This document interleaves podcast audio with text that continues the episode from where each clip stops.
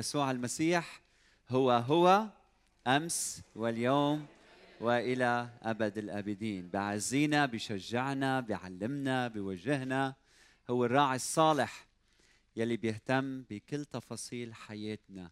ما في خوف لأنه نحن مع يسوع. حتى شعور رؤوسنا عدها.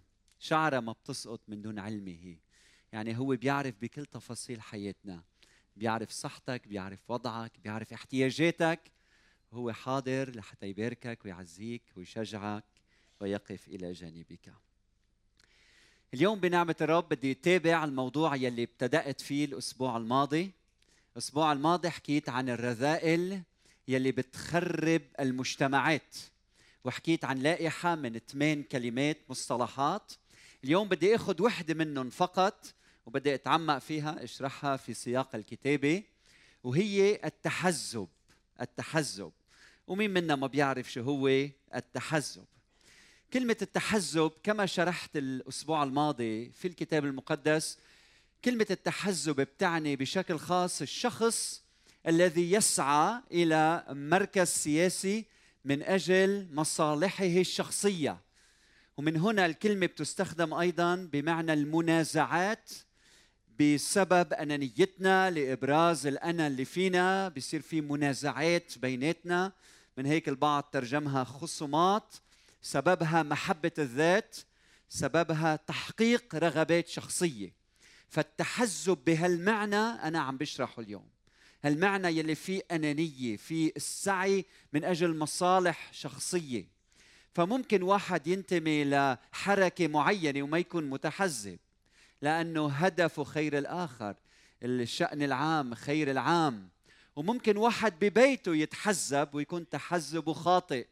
فمثلا آه، ام بتتحزب مع اولادها ضد زوجها. أو آه، أب بيتحزب مع أمه ضد زوجته. أو الكنة مع زوجها ضد الحما. أو أو أو أو أو.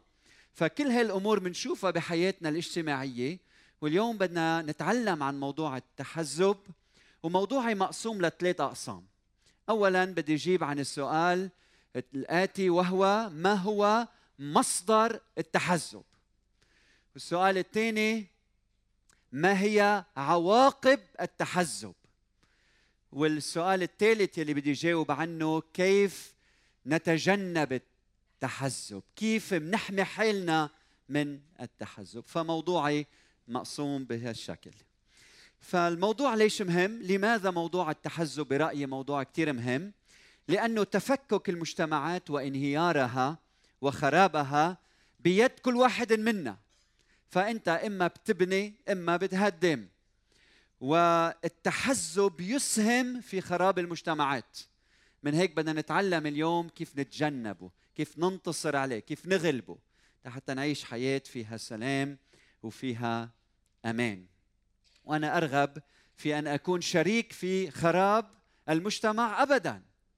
أنا رغبة قلبي إني أشترك في بناء مجتمعي وصلاتي إنه كنيستنا تكون كمان بهذا التوجه. فالسؤال الأول هو ما هو مصدر التحزب؟ ما هو مصدر التحزب؟ من أين يأتي؟ افتحوا معي غلاطي الفصل الخامس الأعداد 19 ل 21 كلمة الله عند الكثير حول التحزب. والنص موجود قدامكم وخذوا ملاحظات على الورقة اللي أمامكم العدد 19 وأعمال الجسد ظاهرة التي هي زنا عهارة وهودي الكلمتين كلمة وحدة. بعدين نجاسة يلي بتعني وسخ وعدم النقاوة. دعارة ودعارة هي محبة الخطية بطريقة شديدة جدا لدرجة بطل يهمك شو رأي الله بالموضوع. عبادة الأوثان كلكم بتعرفوا شو يعني عبادة الأوثان؟ بعدين سحر كلمة سحر هي كلمة المخدرات ومنها بالإنجليزي كلمة فارماسي المقصود فيها المخدر يلي كانوا يتعاطوه بالسحر لحتى يسمموا الآخرين. بعدين عندنا عداوة خصام غيرة انفعالات غاضبة وهنا تأتي الكلمة تحزب أو منازعات يعني شقاق وأيضا شقاق بدعة أي هرطقات حسد قتل سكر عربدة بطر. وأمثال هذه التي أسبق فأقول لكم عنها كما سبقت فقلت أيضا إن الذين يفعلون مثل هذه لا يرثون ملكوت الله. فهيدي كلها بسميها انتبهوا معي أعمال الجسد. يعني بولس عم بيقول في يوجد من يسلك بالروح وبتكون المحبة هي يلي عم بتسود على كل أعماله ومواقفه وتصرفاته ومشاعره وأحاسيسه وكيانه. وهناك من يسلك بالجسد ويستخدم الحرية ليس لفعل الخير إنما من أجل شهواته ونزواته ورغباته وشروره. فقدامنا عم بيقول بولس يوجد درب عنوانها العريض أنا حر أستطيع أن أحب. ودرب أخرى عنوانها العريض أنا حر أستطيع أن أفعل الشر وما فرقني معي حدا. وبولس عم بيقول التحزب هو بالخانه بالخانة الثاني بالطريق الثاني يلي فيها أفعال فيها أنانية أمور غير مقدسة. لاحظوا معي علاقة الحرية بالمحبة وبالجسد في كتابات بولس. إذا بتفتحوا غلاطي خمسة 13 ل 15 بقول فإنكم اسمعوني كلكم إنما دعيتم للحرية. الله بيدعيك إنك تعيش حر. أيها الإخوة غير أنه لا تصيروا الحرية فرصة للجسد للمسبات والكلام البذيء والأفعال غير المقدسة. ما تقول أنا حر بقدر أعمل مثل ما بدي لا. قال أنت لأنك حر وتحررت من قيد الخطية تستطيع أن تحب بل بالمحبة اخدموا بعضكم بعضا. لأن كل الناموس في كلمة واحدة يكمل تحب قريبك كنفسك. ولاحظوا هلأ شو بده يقول؟ أنتم ليلي عم بتعيشوا بهال الشهوة اللي بدخلكم يلي عم بتدمركم. أنتم يلي عندكم تحزب. فإذا كنتم تنهشون وتأكلون بعضكم بعضا فانظروا لئلا تفنوا بعضكم بعضا.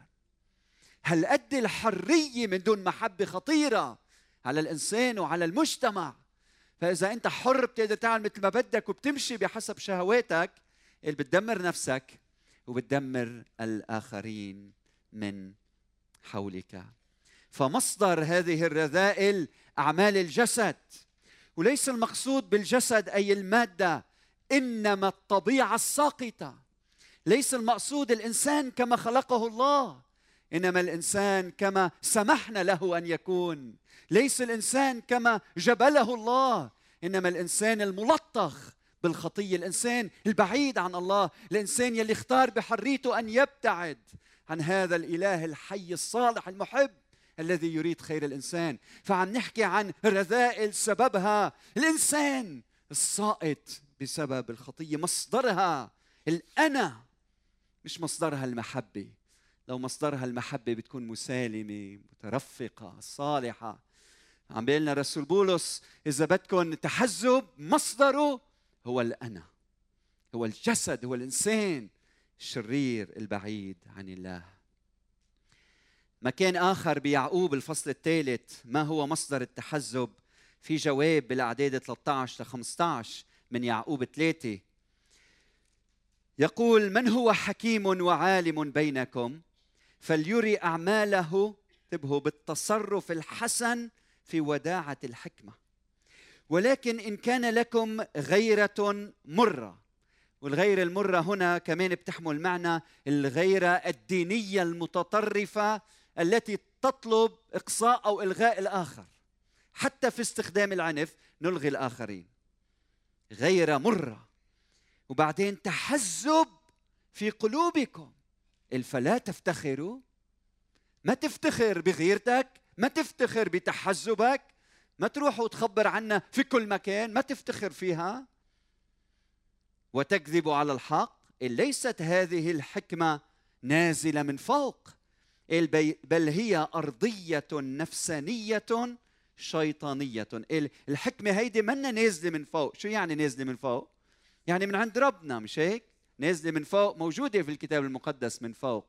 إن كان أحد لا يولد من فوق لن يرى ملكوت السماوات. الذي يأتي من فوق هو فوق الجميع. يعني من فوق يعني من عند الله. فما تفكر هيدي الحكمة هي حكمة إلهية أبدا؟ اللي هي أرضية. يعني متدنية. مش أرضية لأنه المادة لا أرضية يعني أخلاقيا متدنية. النفسانية والشيطانية. نفسانية المقصود بها غير روحية يعني بشرية ساقطة. وهذه الكلمة مستخدمة بواحد كورنثوس 12 12 ل 14 مكتوب ونحن لم نأخذ روح العالم. عم بقول بولس بل الروح الذي من الله الروح منه أخذناه. مش من العالم؟ لنعرف الأشياء الموهوبة لنا من الله. لما يكون عندك روح الله بتعرف الله شو بده يعطيك من مواهب وبركات التي نتكلم بها أيضا. لا بأقوال تعلمها حكمة إنسانية بل بما يعلمه الروح القدس من هيك العالم ما بيفهم علينا. لما بنحكي الحقائق الكتابية القارنين الروحيات بالروحيات ولكن الإنسان هيدي الكلمة الطبيعي النفساني نفس الكلمة. البشري لا يقبل ما لروح الله لأنه عنده جهالة. هيدي الحكمة هي أرضية إذا عندكم تحزب. هيدي الحكمة هي إنسانية هي غير روحية. وأكثر من هيك بسميها شيطانية. يعني إذا منا من عند الله هيدا التحزب مش لمجد الله. اللي هيدا بيسميه من الشيطان. ويعقوب بينسب أمور عديدة للشيطان. بقول حتى اللسان إذا كان عم يتكلم بكلام غير مقدس هيدا مصدره الشيطان. العدد ستة من الفصل الثالث بقول فاللسان نار عالم الإثم. هكذا جعل في أعضائنا اللسان الذي يدنس الجسم كله ويضرم دائرة الكون يعني بيشعل العالم من حوله. طيب من أين يأخذ وقوده؟ قال ويضرم من جهنم. اللسان لما بيحكي الإنسان بالشر قال هيدا اللسان عم ياخذ وقوده من الشيطان من جهنم. هالقد الأمر حساس وخطير. فاذا اذا التحزب لأغراض شخصية أنانية غايتها الذات والأنا والوصول والتحصيل المال على حساب الآخرين واستخدام الظلم. لكي لكي أصل إلى هيدا مصدره مش بس الأنا الإنسان هيدا من يقف خلف الإنسان الساقط يلي بيحاول يدمر الإنسان وهو الشيطان. فالتحزب يأتي من الطبيعة الفاسدة هيدا مصدرها ومن ومن من يفسد الإنسان أي الشيطان. من هيك لازم تنتبه إذا أنت متحزب بالطريقة غير المقدسة. مين عم بيقودك؟ مين عم بيحرك مشاعرك؟ مين عم بيحرك أحاسيسك؟ انتبه ما تعيش مخدوع. الأمر الثاني أو السؤال الثاني ما هي عواقب التحزب؟ ما هي عواقب التحزب؟ لازم تعرف عواقبها. قبل ما تصير قبل ما تحدث. بيعقوب الفصل الثالث العدد 16 بقول لأنه حيث الغيرة والتحزب هناك شو؟ التشويش وكل أمر رديء. يعني التحزب بيطلع منه ينتج منه شو؟ تشويش يعني فوضى اجتماعية بسبب إنه كل واحد عم بيشد لميلته. بسبب إنه الإنسان أناني وأكثر من هيك وكل أمر رديء. يعني حط كل الصفات اللي بدك إياها من بعد كل كل أمر رديء. سموا لي اياهم شو بيولد التحزب؟ شو عواقب التحزب؟ مين بيعرف؟ كره الغضب الغيرة الحسد التكبر الأنانية الخصام الحقد القتل السرقة. تشويه سمعة الآخرين. إذلال الناس بتصير بسبب تحزبك بتصير تشوف كل العالم آه، خطاط وأشرار وبتصير تدينهم وتذلهم وتهينهم هيدا الشيء لا يجوز لأنه بيخلق تشويش في المجتمع بيخلق فوضى اجتماعية وكل أمر رديء. بعدين برومية 2 8 9 من 7 ل 9 يقول أو أكثر إذا بدكم ل 11 بقول أما الذين بصبر في العمل الصالح يطلبون المجد والكرامة والبقاء رومية 2 فبالحياة الأبدية.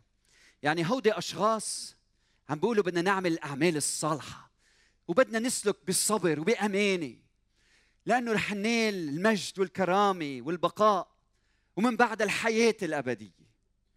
وبعدين بالعدد الثامن بيقول وأما الذين انتبهوا منيح. من أهل التحزب التمرد عكس العمل الصالح. حكي بالأول عن العمل الصالح هلأ عكس التحزب.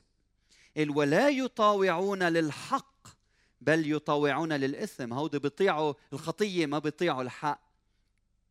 طيب شو العواقب؟ فسخط وغضب شدة يعني ويل وضيق يعني عذاب. على كل نفس إنسان يفعل الشر. اليهودي اولا ثم اليوناني. ومجد وكرامة والسلام. لكل من يفعل الصلاح يفعل الصلاح. اليهودي اولا ثم اليوناني. لأن ليس عند الله محاباة. اللي عم بيقول لنا اياه رسول بولس ويعقوب وكلمة الله؟ إنه لكل شيء في الحياة عواقب. يعني الذي يزرعه الإنسان إياه يحصد أيضا. العمل الصالح يقود إلى الكرامه والمجد والبقاء. والعمل يلي فيه شر وخطية اللي يقود إلى السخط والغضب والشدة والضيق. فالإنسان يختار مصيره. أنت أيها الإنسان بتختار وين بدك تروح.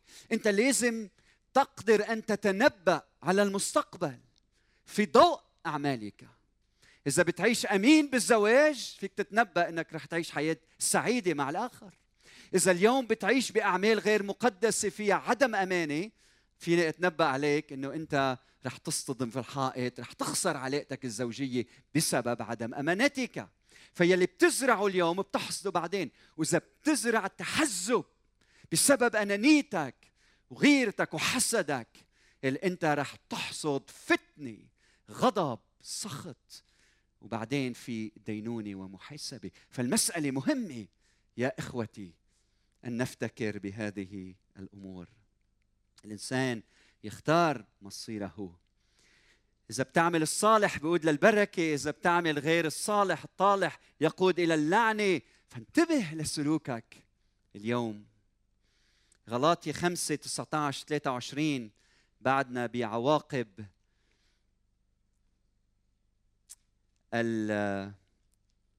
عواقب التحزب. بيقول وأعمال الجسد ظاهرة التي هي العدد 19 زنا عهارة تحزب وإلى آخره. وأمثال هذه التي أسبق فأقول لكم عنها كما سبقت فقلت أيضا إن الذين يفعلون مثل هذه عواقب لا يرثون ملكوت الله.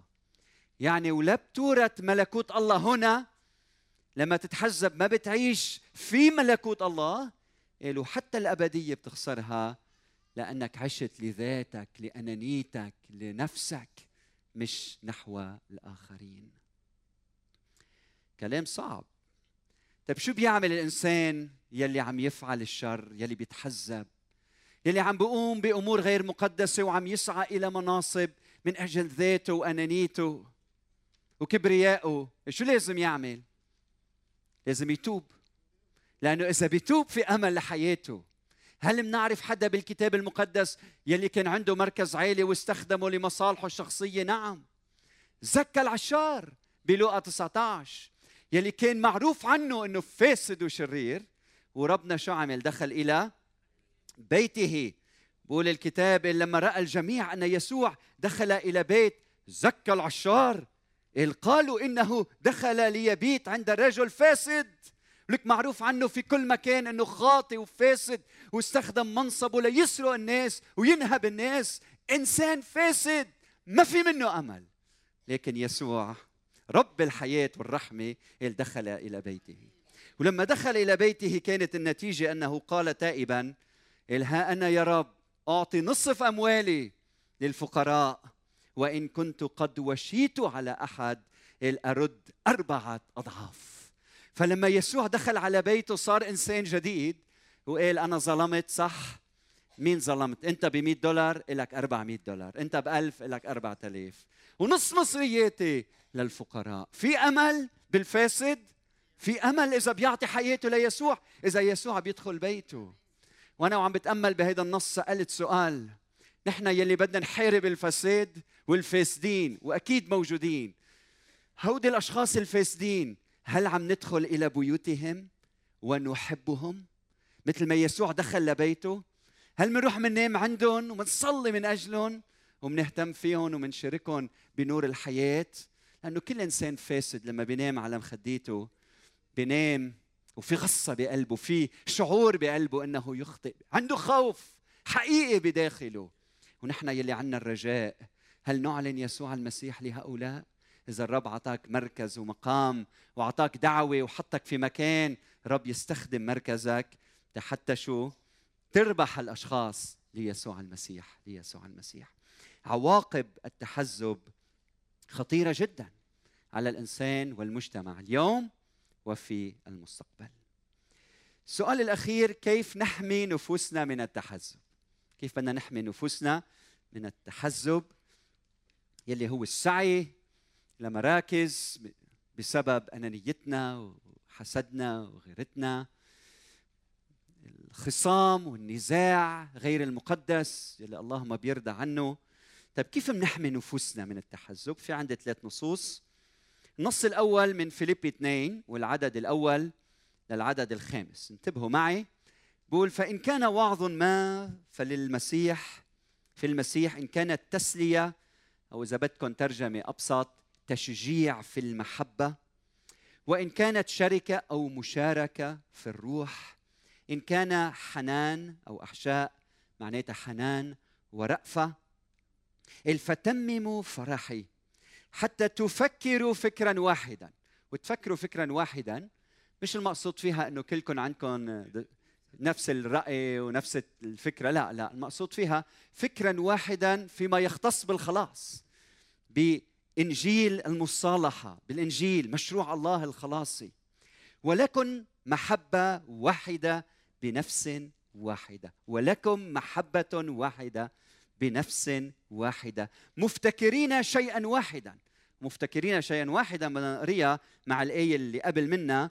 يعني كلكم عم بتفكروا برأي واحد كيف تسود المحبة بيناتكم. هيدا المطلوب. إذا بدنا نتحرر من هالنزاعات هيدي بدنا نفكر مع بعض كيف المحبة تسود بيناتنا بيناتنا. إلا شيء بتحزب أو بعجب. والعجب يعني المجد الفارغ. واحد مفكر حلو شيء بالون من الداخل فارغ. بل بتواضع. ها شوفوا عكس العجب تحزب التواضع. وبالعالم اليوناني لم تكن صفة التواضع آه، صفة نحمد عليها أبدا. تواضع كان شيء للضعفاء لكن بكلمة الله إلهنا تجسد وتواضع بيناتنا. تواضع من أهم القيم المسيحية. لا شيء بتحزب أو بعجب بل بتواضع. حاسبين بعضكم البعض أفضل من أنفسهم. إذا بس منطبق هذه الآية يلي فيها المحبة بتظهر لما بتكون حاجة الآخر أهم من حاجتك. لما بتوصل لهالمرحلة بحياتك إنه أنا بهمني حاجة الآخر أكثر مني أنت بلشت تفهم عمق المحبة وبلشت تعيشها بحياتك. إلا تنظروا كل واحد إلى ما هو لنفسه ها؟ عكس التحزب. تحزب بدي لنفسي بدي لنفسي بدي لإلي. لا لا لا. إلا تنظروا كل واحد إلى ما هو لنفسه صعبة بل كل واحد إلى ما هو لآخرين أيضا. هذا التواضع. لما ما تفكر بحالك تفكر بغيرك. لما يهمك الآخر ما يهمك نفسك.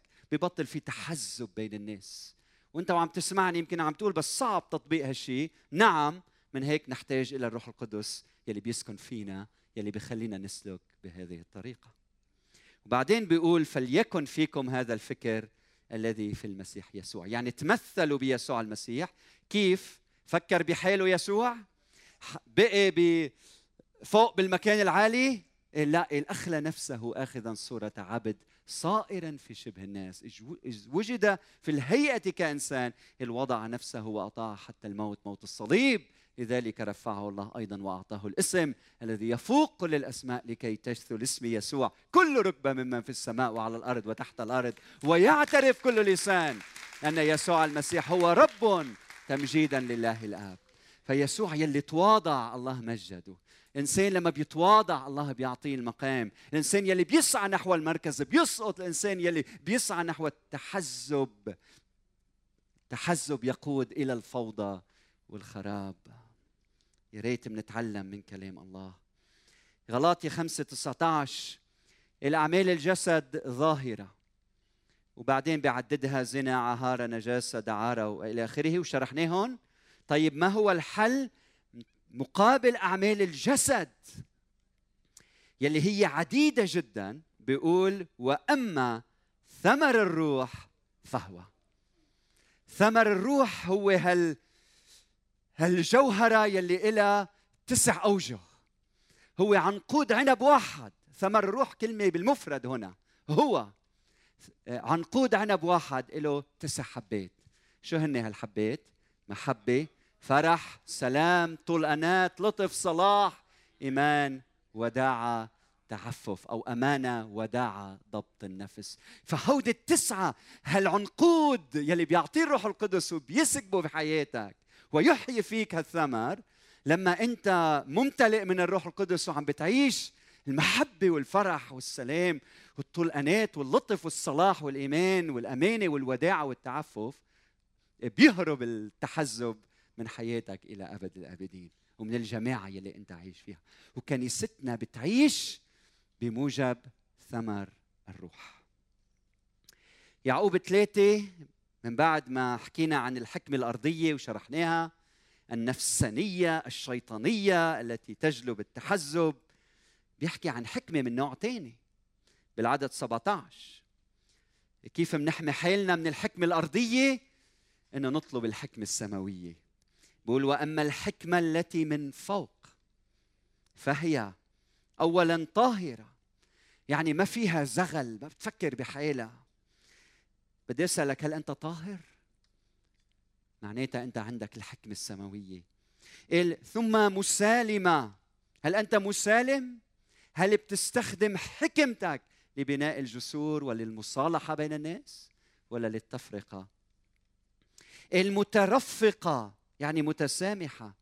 يعني الحكمة الإلهية لطيفة لطيفة. المذعنه فيها وداعة. قابلة للتعلم والنمو مذعنة يعني خاضعة للحق. مش مثل ما بدي بيصير وبس لا كلنا بدنا نخضع للحق. المملوءة رحمة بتفيض بالرحمة بحياة الآخرين بتطول بالها. وأثمارا صالحة أعمالا صالحة عديمة الريب والرياء ما فيها نفاق صالحة. فأنا يلي ما بدي حكمة العالم بدي أتغذى من الروح القدس. من هالحكمة السماوية باستمرار. من هيك أنا لما فتح عيني الصبح أنا قدام الرب قل له يا رب أعطيني حكمة إلهية. ما أنا اسمي حكمة بقول له يا رب أعطيني حكمتك. لا أقدر أعيش بأمانة وبقداسة وبطهارة وبصلاح بين الناس لحتى أقف مع الحق باستمرار. قال وثمر البر يزرع في سلام من الذين يفعلون السلام. يعني صانعو السلام يزرعون السلام فبيحصدوا البر. مشيئة الله تتحقق في العالم هذا هو البر. تتجلى بالعدل والسلام والازدهار والحق والأمن اللي كلنا بنتمناه ببلادنا الازدهار الأمن الحق. فلازم شو نكون؟ صانعي سلام.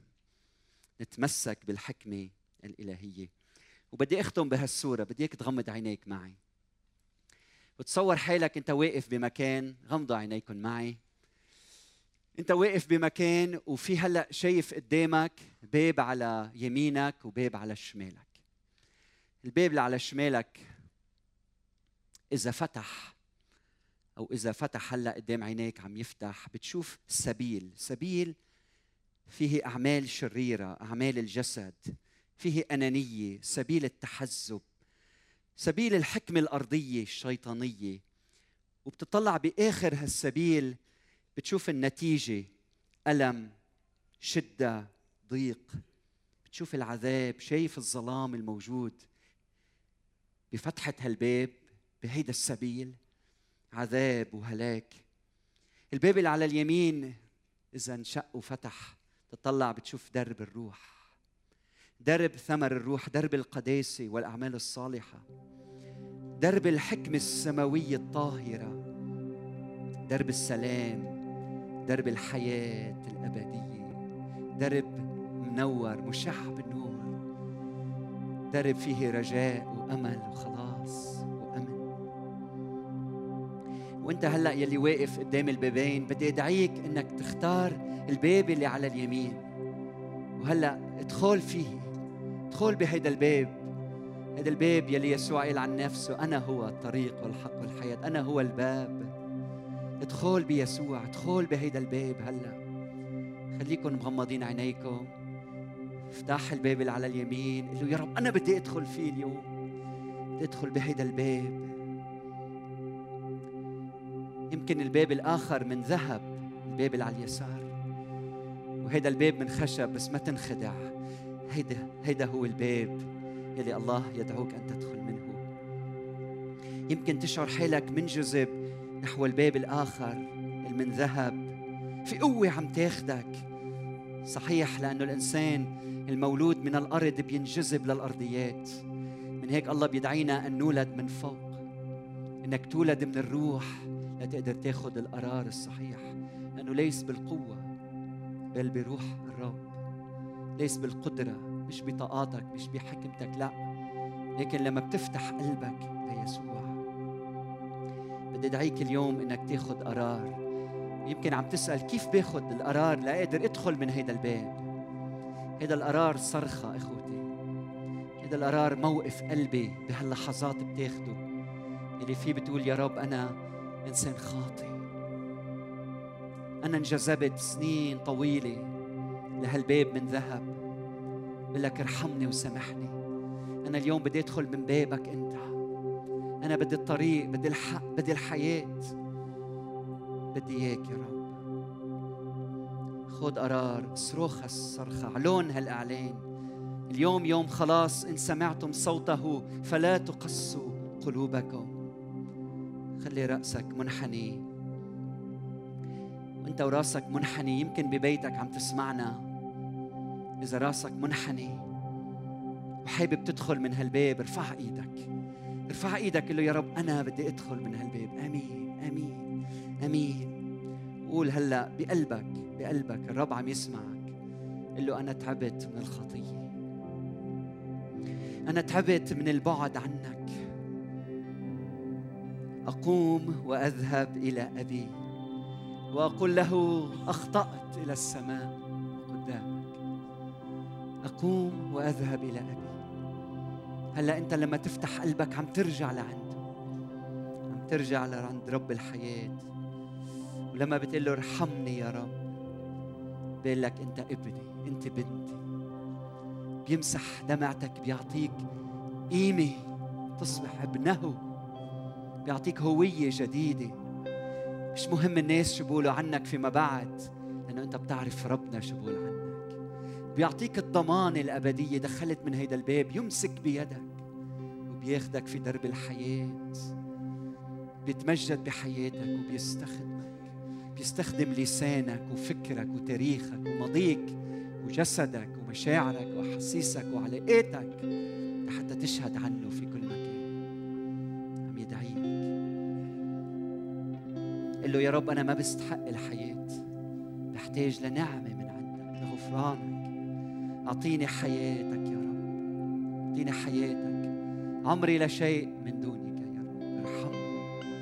ارحمني بصلي يا رب من أجل كل شخص. صلى هيدي الصلاة اليوم. إنك أنت تعطيه تأكيد الخلاص. إنك أنت تجي بروحك تسكب روحك في قلبه تملأه حتى الفيض لحتى يختبر الفرح السماوي.